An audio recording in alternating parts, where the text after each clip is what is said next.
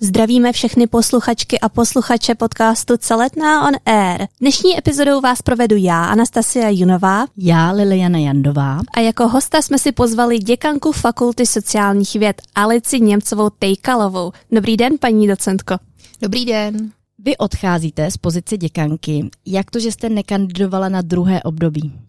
Já jsem byla připravená kandidovat na druhé období, druhé funkční období děkanky fakulty, ale bohužel na jaře umřel můj blízký kolega a velmi dobrý kamarád Filip Láp a bylo potřeba vlastně vypořádat se s tou situací na katedře žurnalistiky, protože najednou chyběl garant doktorského studia, garant cizojazyčného studijního programu Erasmus Mundus Journalism, Media and Globalization a mimo jiné je uh, také otázka vlastně dalšího směřování celé katedry. A my jsme se vždycky s Filipem těšili na to, jak to bude fajn, až budeme oba spolu na katedře. Nejdřív byl on léta pro děkan, pak já jsem byla děkankou a plánovali jsme si, ale je to, jak se bohužel říká, když chceš pobavit Boha, řekni mu svých plánech, tak tady v tom případě to dopadlo uh, úplně přesně tak, akorát, že my jsme se u toho příliš nepobavili a e, pro mě to byla ve chvíli, kdy se ukázalo, že nedokážeme sehnat uh, nikoho, kdo by měl právě habilitaci nebo profesuru a mohl k nám nastoupit a dál rozvíjet vlastně katedru jako takovou, tak pro mě byla pak jasná volba vlastně vrátit se na katedru, protože mi na ní mimořádně záleží. Je to práce, kterou mám hrozně ráda.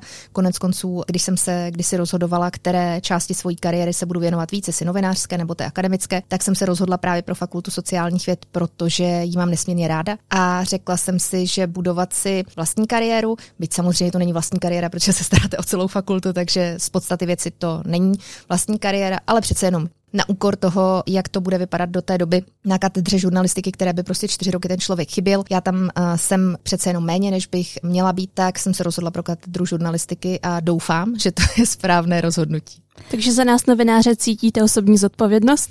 To každopádně. No, myslím si, že můžu říct za všechny studenty, že pan docent Lab pro nás všechny hodně znamenal a že směr, který udával na naší katedře, byl všem velmi blízký.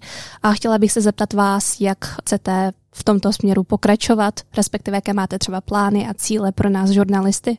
Filip mě učil vlastně od prvního ročníku na fakultě uh, od roku 1999, od podzima, uh, to byl rok 99-2000, kdy jsem nastoupila. On byl tehdy buď někde v posledním ročníku FAMu, nebo akorát čerstvý absolvent a učil nás praktický seminář právě fotky, ale s kamarádili jsme se podstatně později, až když jsem vlastně začala i já sama na fakultě učit. A od toho roku 2007 jsme všechno vymýšleli společně. Když se podíváte do mojí i do jeho bibliografie, najdete tam spoustu společných prací. A my jsme vždycky měli stejnou vizi směřování toho pracoviště jako takového, takže já bych hrozně ráda pokračovala v tom, eh, co Filip eh, dělal i v pozici vedoucího katedry, až bude vypsané výběrové řízení na vedoucího katedry, tak se do něj určitě přihlásím.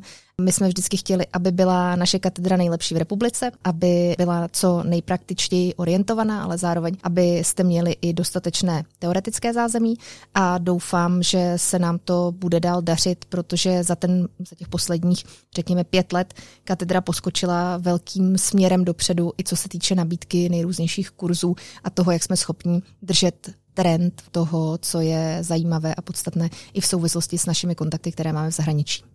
Ona to byla dost velká práce i pro dva lidi, tak vy na to budete teď tím pádem svým způsobem sama. Jako předpokládáme, že budete mít hodně velkou podporu od vašich kolegů a podobně, ale jak si myslíte, že to půjde? My jsme s Filipem, protože sami jsme uh, zažili poměrně tvrdá doktorantská léta, oba, i když každé, každý na jiné škole, Filip na FAMu a já na naší fakultě, tak jsme se snažili dostatečným způsobem pečovat o naše doktorandy a vychovat si lidi, kteří budou mladší, postupně nás i nahradí. Vždycky jsme si říkali, že je důležité nelpět na tom, že vás jednou uh, někdo nahradí a předat mu všechny schopnosti, které máte. Já jsem měla štěstí, že mě kdysi zaučovala paní docentka Osvaldová, která byla hrozně fajn vůči mě i jako vůči začátečnici. Ona byla tím vlastně, kdo mě přivedl k učení na naší katedře, takže jsme se snažili vlastně tohle předat dál. A díky tomu uh, máme dneska na katedře celou řadu velmi schopných lidí, kteří nemají ty tituly k tomu, aby mohli třeba garantovat akreditaci, ale pořád jsou to lidé, ze kterých podle mě vyrostou velmi schopní kvalitní vysokoškolští pedagogové a můžeme se spolehnout i na starší generaci našich pedagožek a pedagogů, které u nás máme. Konec konců lidé jako Barbara Osvaldová, Martin Lokší, Karol Lovaš nebo Jana Čeňková, která je zároveň i garantkou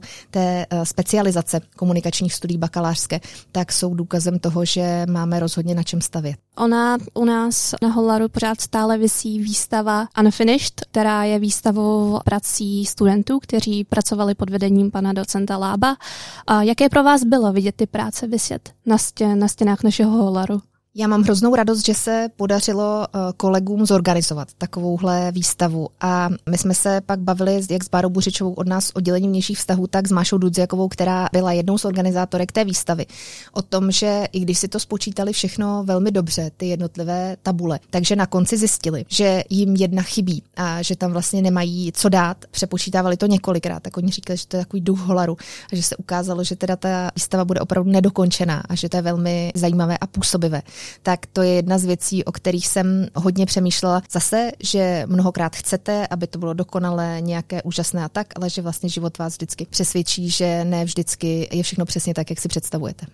Já si pořád ještě pamatuju, jak někdo nám na stěnu Holar vesprejoval nebo napsal Uživíme Filipa. Bylo to právě hnedka nad tím, nad, nad, nad svíčkami, nad květinami, nad vzpomínkami o panu docentovi. Co, co to ve vás vyvolalo, když jste to viděla vy? Já se směju proto, že to byla situace, která byla vlastně v té strašně smutné chvíli hrozně vtipná, protože eh, mě zastavila naše absolventka, já vím, kdo to sprejoval a říká, nevadilo by ti, kdybych tady posprejovala kus holaru a já jsem si říkala, no to už jste úplně zbláznila, ale to nemůže myslet vážně.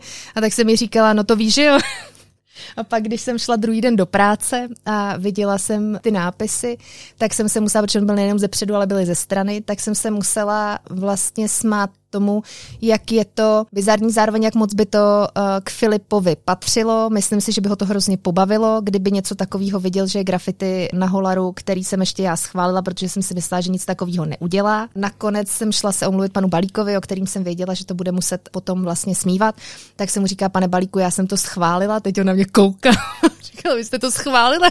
Já jsem nevěděla, že bude takhle ten uh, holar postříkaný a posprejovaný. Ale uh, myslím si, že to bylo vlastně hrozně hezké. Myslím si, že nás poslouchají i zájemci o studium nebo studenti, kteří se přihlásili eh, teprve na magistra, jako já. Já jsem pana docenta osobně nepoznala a myslím si, že jsme o něm poměrně hodně mluvili, jestli byste ho mohli představit. Kdo to byl, protože si myslím, že jeho odkaz na naší fakultě stále je a bude. Filip Láp byl skvělý fotograf a taky teoretik fotografie.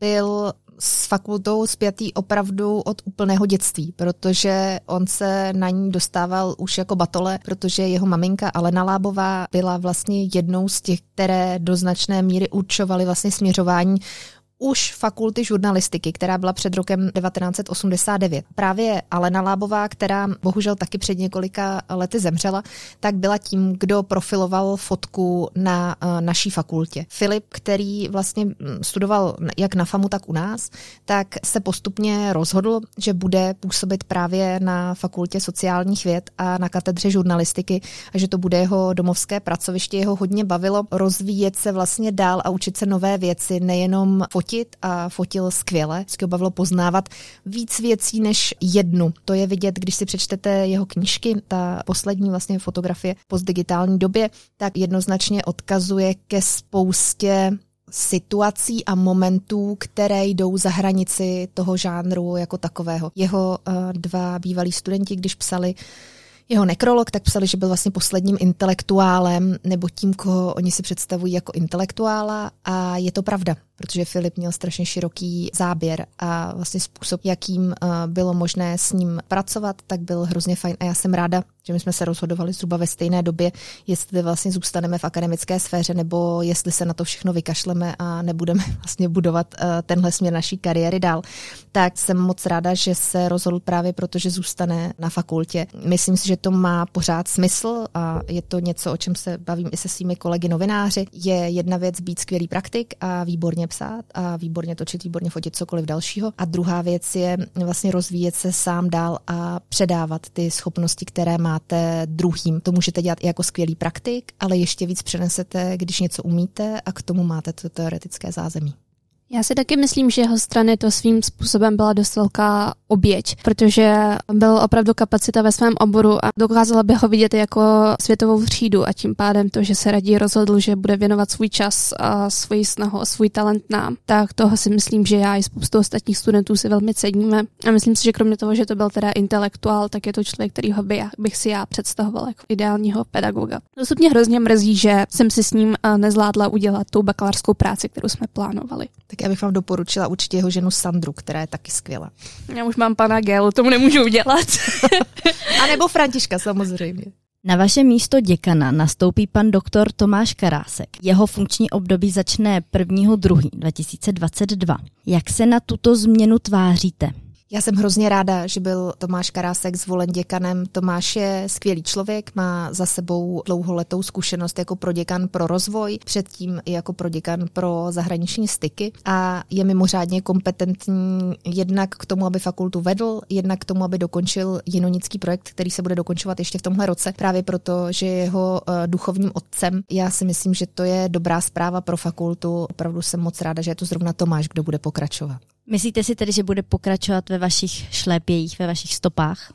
Vzhledem k tomu, že byl čtyři roky součástí mého vedení, tak bude pokračovat i uh, a především ve uh, svojí práci. Nepochybně některé věci změní, ale to je právě fajn, že když nastupuje schopný člověk, tak se vlastně podívá na to, čeho vy jste uh, dosahla předtím a nějakým způsobem to zase pro sebe redefinuje a posune dál ten vývoj. Já nejsem ješitná, abych si myslela, že všechno, co jsem dělala, jsem dělala nejlíp na světě. Vždycky je co zlepšovat a vždycky můžete spoustu věcí věcí změnit a udělat jinak. Je fajn, když se někdo na vaši práci podívá čerstvým okem a posune jí dál a já věřím tomu, že právě Tomáš Karásek tuhle schopnost má a že budeme jako fakulta spokojení.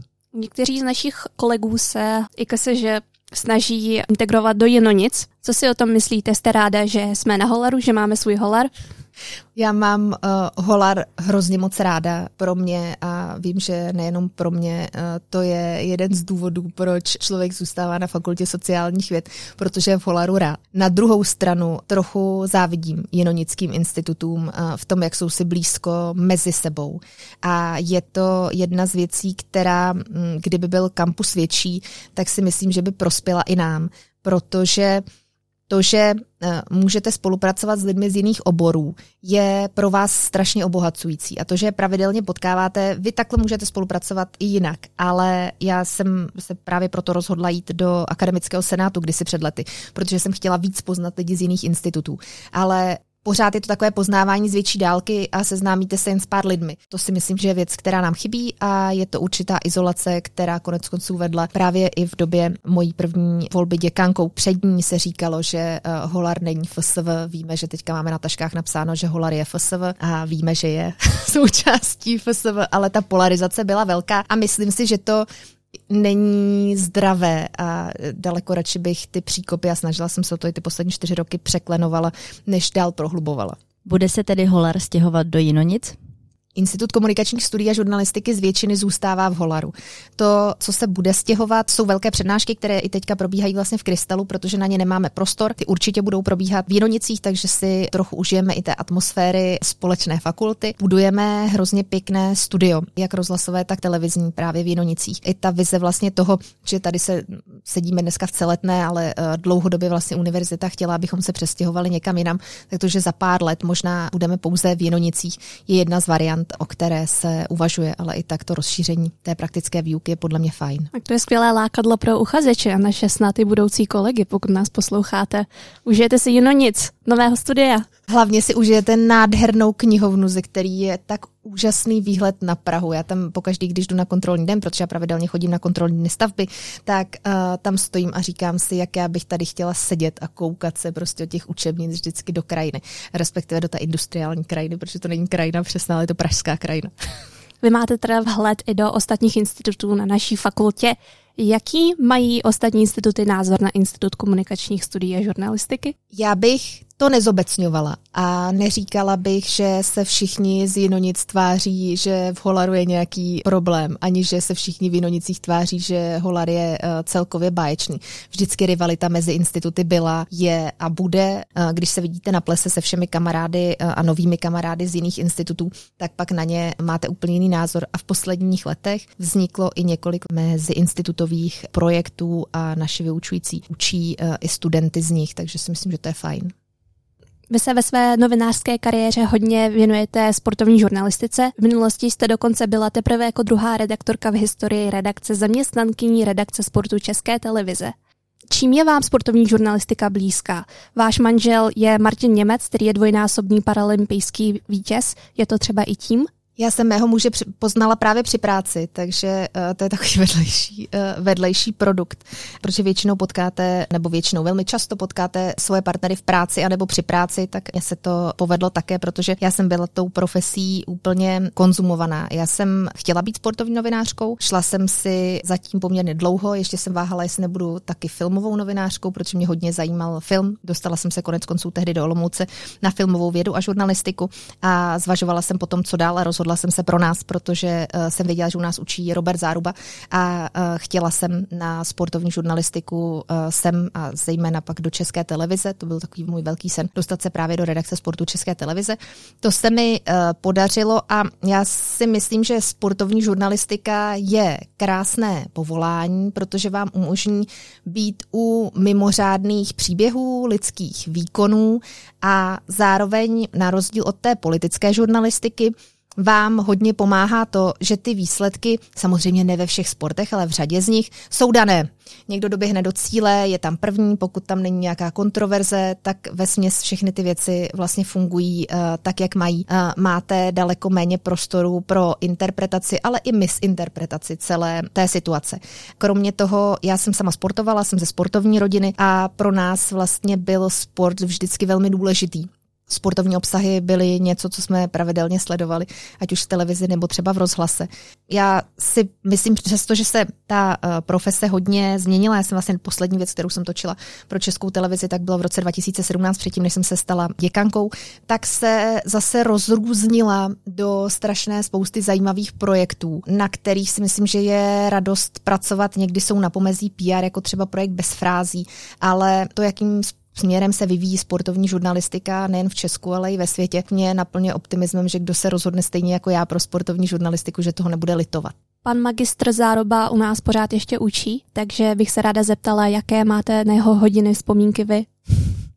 Já si uh, pamatuju úplně první hodinu, na kterou jsem přiběhla v prváku uh, hrozně ufuněná, protože to, co se teď učíte v krystalu, tak my jsme se učili v opletalce a přece jenom z opletalky jsem doceletné, je to uh, pár set metrů a my jsme museli přeběhnout ještě předtím kolega, který měl právě ekonomii, přetahoval, takže my jsme měli velmi málo času, takže jsme vpadli už vlastně do výuky ještě uh, se čtyřmi kamarády, protože jsme věděli, že Robert Záruba nebere prváky, ale bere až vyšší ročníky. A když jsme sem teda doběhli, tak on, když viděl, jak jsme doběhli, tak nás tam nechal v té hodině, což bylo fajn. A potom vlastně, když mě na konci uh, prváku vybral, abych šla do redakce začínat tak, jako tehdy začínal každý skriptováním olympijských her v Sydney, tak jsem z toho měla obrovskou radost a bylo to pro mě něco nepředstavitelně úžasného. To, že se pak ukázalo v té samotné praxi, že to jako žena, jako sportovní novinářka, máte v řadě ohledů daleko náročnější než kluci, protože musíte neustále přesvědčovat ostatní, že jste stejně dobrá. A trvá to nějakou dobu. Já jsem, než jsem si vybudovala tu pozici, že všichni říkali, ale ona je šikovná, jí to jde, přišly mi ty nabídky, které bych chtěla, abych začala jezdit po světě, začala pořádně pracovat, tak mi to trvalo dost dlouho. V řadě případů jsem čelila nejrůznějším omezujícím a zvláštním kritikám. Jak když jsem přijela na svůj první takové ostré natáčení na badminton, tak ten organizátor, takový starší pán, přišel a ukazoval mi na stěně pavouka. Já jsem hrála ping-pong, tak jsem jako perfektně věděla prostě o co běží, o to, jakým způsobem se hraje tím herním systémem. A on říkal, no my tady máme strašně náročný herní systém, ten asi nepochopíte. A teď já jsem koukala na toho pavouka a říkala jsem si, jako co je a co tam teda nevidím a kde. A já říkám, a pak když už to bylo jako trapný, tak jsem říkala, ale to je pavouk. A teď on se na mě podíval a říká, vy to znáte. A já jsem si říkala, tak tady je to perfektní. Nebo když mě připlác prostě dveřma uh, Vladimír Růžička, když vylez z kabiny a byla jsem prostě jenom holka, která tam tak jako byla, ostatní byli novináři, tak to jsou uh, zážitky, na které vzpomínám uh, teď už a směju se jim, ale z začátku to nebylo příjemný a proto se vždycky snažím svým studentkám a, a kolegyním mladším říkat, že se nesmějí dát, protože řada těch věcí a těch postojů přetrvává, i když už to zdaleka uh, není takové především především protože čím dál tím víc žen ve sportovní žurnalistice je to dobře. Onen incident s připlácnutím dveřmi, můžete nám ho trošku rozvést? Zní to totiž dost zajímavě. Já jsem se byla podívat s Robertem Zárubou eh, na Slávy, hrála tehdy Slávě se Vsetínem. My jsme se jezdili vlastně koukat na různé zápasy a reportáže, než jsme mohli udělat svoji první uh, reportáž a tohle byla jedna z nich. Tam tehdy ještě trénoval Vladimír Růžička, on i pak ty novináře na tiskovce oslovil chlapy, nebo ne novináře jako takové, ale mluvil jako chlapy. A já jsem si říkala, že to je, ne, že by tím jako zahájil, zahájil tiskovku.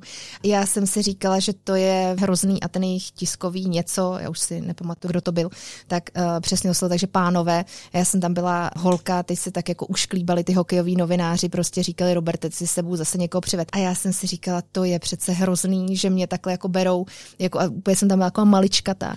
Hrozně mě to tehdy demotivovalo od toho, abych jela na nějaký jako další hokejový zápasy, přestože Robert byl vždycky maximálně korektní a všichni vlastně lidi z té hokejové sekce byli fajn. Do dneška je, mám dobré vztahy s řadou z nich a mám je moc ráda.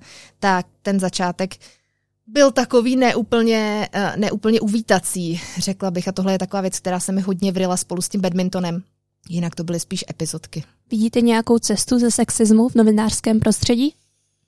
Já jsem přesvědčená o tom, že čím víc se bude o takových věcech mluvit nahlas a čím méně nám, eh, i jako nám, které jsme takovým věcem museli čelit, bude nepříjemné o tom mluvit, tak čím méně tedy nám to bude nepříjemné o tom mluvit a budeme o tom mluvit otevření, tím lepší je cesta ke kultivaci toho prostředí. Ale ono je to někdy hrozně těžké, zvlášť když to prostředí třeba před těma 20 lety bylo poměrně jako jednoznačně dominantně maskulinní, tak vlastně v něm si najít cestu a nevypadat jako ubrečená holka, která si pořád na něco stěžuje, nebylo jednoduché, takže my jsme o tom spíš o těchto těch zážitcích nemluvili a snažili jsme se překonat. Dneska právě vítám tu otevřenost, která je a to, že se kolegyně nebojí. Ostatně sama je v tom povzbuzuju i na hodinách, které mám třeba v teoretických konceptech žurnalistiky, když se bavíme o genderu, tak říkám, ne, nechte si nic líbit. A ono to platí v politice, konec konců. Pan Hošek seznam zprávy je toho eh, teďka velmi dobrým důkazem. Člověk se nemá bát se ohradit.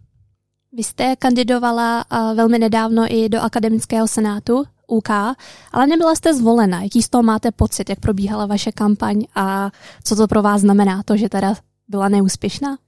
Pro mě to znamená především daleko více času. Eh, já Takže jsem... je to vlastně výhra nakonec. ne, já bych nekandidovala, kdybych eh, do Akademického senátu Univerzity Karlovy nechtěla. Teď bych to nechtěla zlehčovat. Brala jsem to jako důležitou věc. Na druhou stranu já jsem se opakovaně netajila podporou kandidátky na rektorku a současné rektorky, která čeká na zvolení Mileny Králíčkové. Část kolegů na fakultě naopak chtěla humanitního kandidáta eh, Michala Stehlíka a tím, že volí pedagogové, tak se domnívám, že prostě se rozhodli proto, že by chtěli vlastně někoho, kdo bude k paní prorektorce kritičtější. Já jsem vlastně neuspěla o tři hlasy s Petrem Jipnerem, kterého znám už od roku 2003. On z toho byl uh, hodně smutný, říkal, tebe bych zrovna porazit nechtěla, se říká Petře, aspoň si to odpracuješ, já budu mít víc času. Tak jsme se tomu uh, zasmáli a uh, myslím si, že oba naši kandidáti a uchazeči, jak Michal Kuba, tak Petr Jipner, svoji práci odvedou dobře, budou jí mít dost, protože ve Velkém senátu je vždycky dost práce. Myslím, že to bude fajn. Jako poslední věc bychom rádi věděli, zdali máte nějaké typy pro naše uchazeče. Já se s vámi potkám a uvidíte se se mnou u přijímacích zkoušek e, s vámi, kteří nás posloucháte a hlásíte se k nám, tak se s vámi uvidím u té ústní části. Já každý rok vidím příklady dobré a příklady špatné, proto vám řeknu ty dobré příklady toho, jak má vypadat ústní zkouška. Přijdu, jsem vyspaná, není mi nic nepříjemného, sednu si, cítím se dobře, sednu si, i když jsem možná trochu vynervovaná, já jsem taky byla takhle vynervovaná u ústní zkoušky, sednu si před tu přijímací komisi, představím se, předtím pozdravím, může to znít banálně, ale občas se na to zapomíná, pak si sednu, v klidu se představím a nesu si sebou portfolio. I kdyby to mělo být portfolio z projektů, které jsou školní. Vůbec nám to nevadí. My chceme vědět, v čem jste dobří, co umíte. Pustíme si tam video, nemusíte se bát vůbec toho, že když přinesete nějaký videovýstup, takže vás budeme hodnotit negativně, nebo že bychom vás negativně hodnotili, když řeknete, že máte YouTube kanál. Naopak, nás zajímá všechno, co děláte a co vás baví. To nám všechno ukážete, hezky si popovídáme o seznamu literatury. Když přinesete seznam literatury v těch podmínkách, které já tady mám i před sebou, tak je napsáno, že by to mělo být aspoň 15 literárních děl a aspoň tři odborné či popularizační publikace. Vůbec nám nebude vadit, když jich tam bude víc. To, co nám vždycky vadí, je, když se vás zeptáme na nějakou knihu a vy řeknete, že jste ji naposledy četli před čtyřmi lety a už si úplně nepamatujete, o čem je. V tom případě my se těžko můžeme dobrat vlastně té podstaty celé věci. Nebo když nám řeknete, že vás na střední škole hrozně motivoval váš češtinář nebo vaše češtinářka k tomu, abyste se stali studenty žurnalistiky a nic dalšího jste proto neudělali, jenom jste psali fantastické slohy. My bychom chtěli vědět, že jste se o tu práci novinářskou zajímali nějak víc a vždycky je to, i když ne jednoduché, tak dostupné. I kdybyste nám řekli, že jste zaťukali na regionální noviny a tam vám řekli, že vás nechtějí, tak jste se rozhodli udělat si aspoň nějaký malý blog nebo něco natočit pro svůj YouTubeový kanál, nebo máte Instagramový účet, na kterém děláte nějakou částečnou třeba novinářskou práci. To všechno jsou pro nás zajímavé informace a svědčí o vaší aktivitě a o vašem aktivním přístupu k životu a i k řešení té situace. Já jsem sama byla v kolínském deníku, Můžu vám říct, že v 16 žádný velký šlágr, protože jsem psala strašné věci o tom, jak se někde vypalují meze a tak, ale tak každý nějakým tématem začínal. A naučíte se, psala jsem školní časopis, je tam celá řada věcí a možností i pro lidi, kteří nejsou z Prahy. Takže argument, že nejsem z Prahy, kde jsou všechna média a proto jsem nemohl nic dělat, taky není úplně, uh, úplně dobrý. A co se týče uh, všeobecného přehledu, čím dál tím méně jsme, řekněme, detailní v těch znalostech, které od vás chceme vědět. Ale některé základní věci prostě vědět musíte. A když nám začnete vyprávět, jak za druhé světové války, to je uh, teďka špatný příklad loňské, jak za druhé světové války Slovensko a Slovenská republika a Česká republika bojovali prostě společně proti nacistům tak já se ptám prostě, co jste dělali, když jste brali druhou světovou válku a co víte o naší historii. A to jsou takové věci, které jsou úplně jako důležité pro to, abyste pochopili kontext toho dění.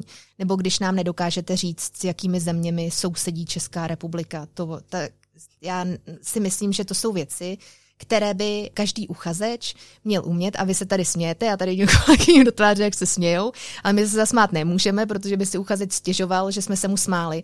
A měl by do značné míry pravdu, my musíme ovládnout ty emoce. A to bych vám taky chtěla říct, že ten pohovor, který s námi povedete, by neměl být v žádném případě nepříjemný, ale když se nám něco nebude líbit, tak vám to otevřeně řekneme, ti, kteří nás poslouchají a učila jsem je, tak vědí, že ta zpětná vazba ode mě může být kritická, ale nedělám to proto, abych na někoho machrovala, protože logicky je mezi náma velký rozdíl zkušenostma a věkem. A vám, až bude 40, tak budete ještě daleko lepší, než jsem já. To já k tomu přistupuji s pokorou. Ale to, co je důležité, je, abyste si z toho odnesli opravdu i to pozitivní, i to negativní, protože když se vám stane, že nevíde ten pohovor jako takový, tak z toho všeho, co jste slyšeli jako kritickou zpětnou vazbu, se můžete potom připravit na ten další rok. Já jsem měla sama na žurnalistice celou řadu kolegů, kteří se prostě nedostali na poprvé a dostali se na podruhé nebo na potřetí, ale chtěli, protože je to bavilo. K tomu je taky to druhé kolo, které vás čeká. Já se sice směju, ale musím se přiznat, že já jsem na svém přijímacím pohovoru se nemohla vzpomenout na počet uh, členských států Evropské unie.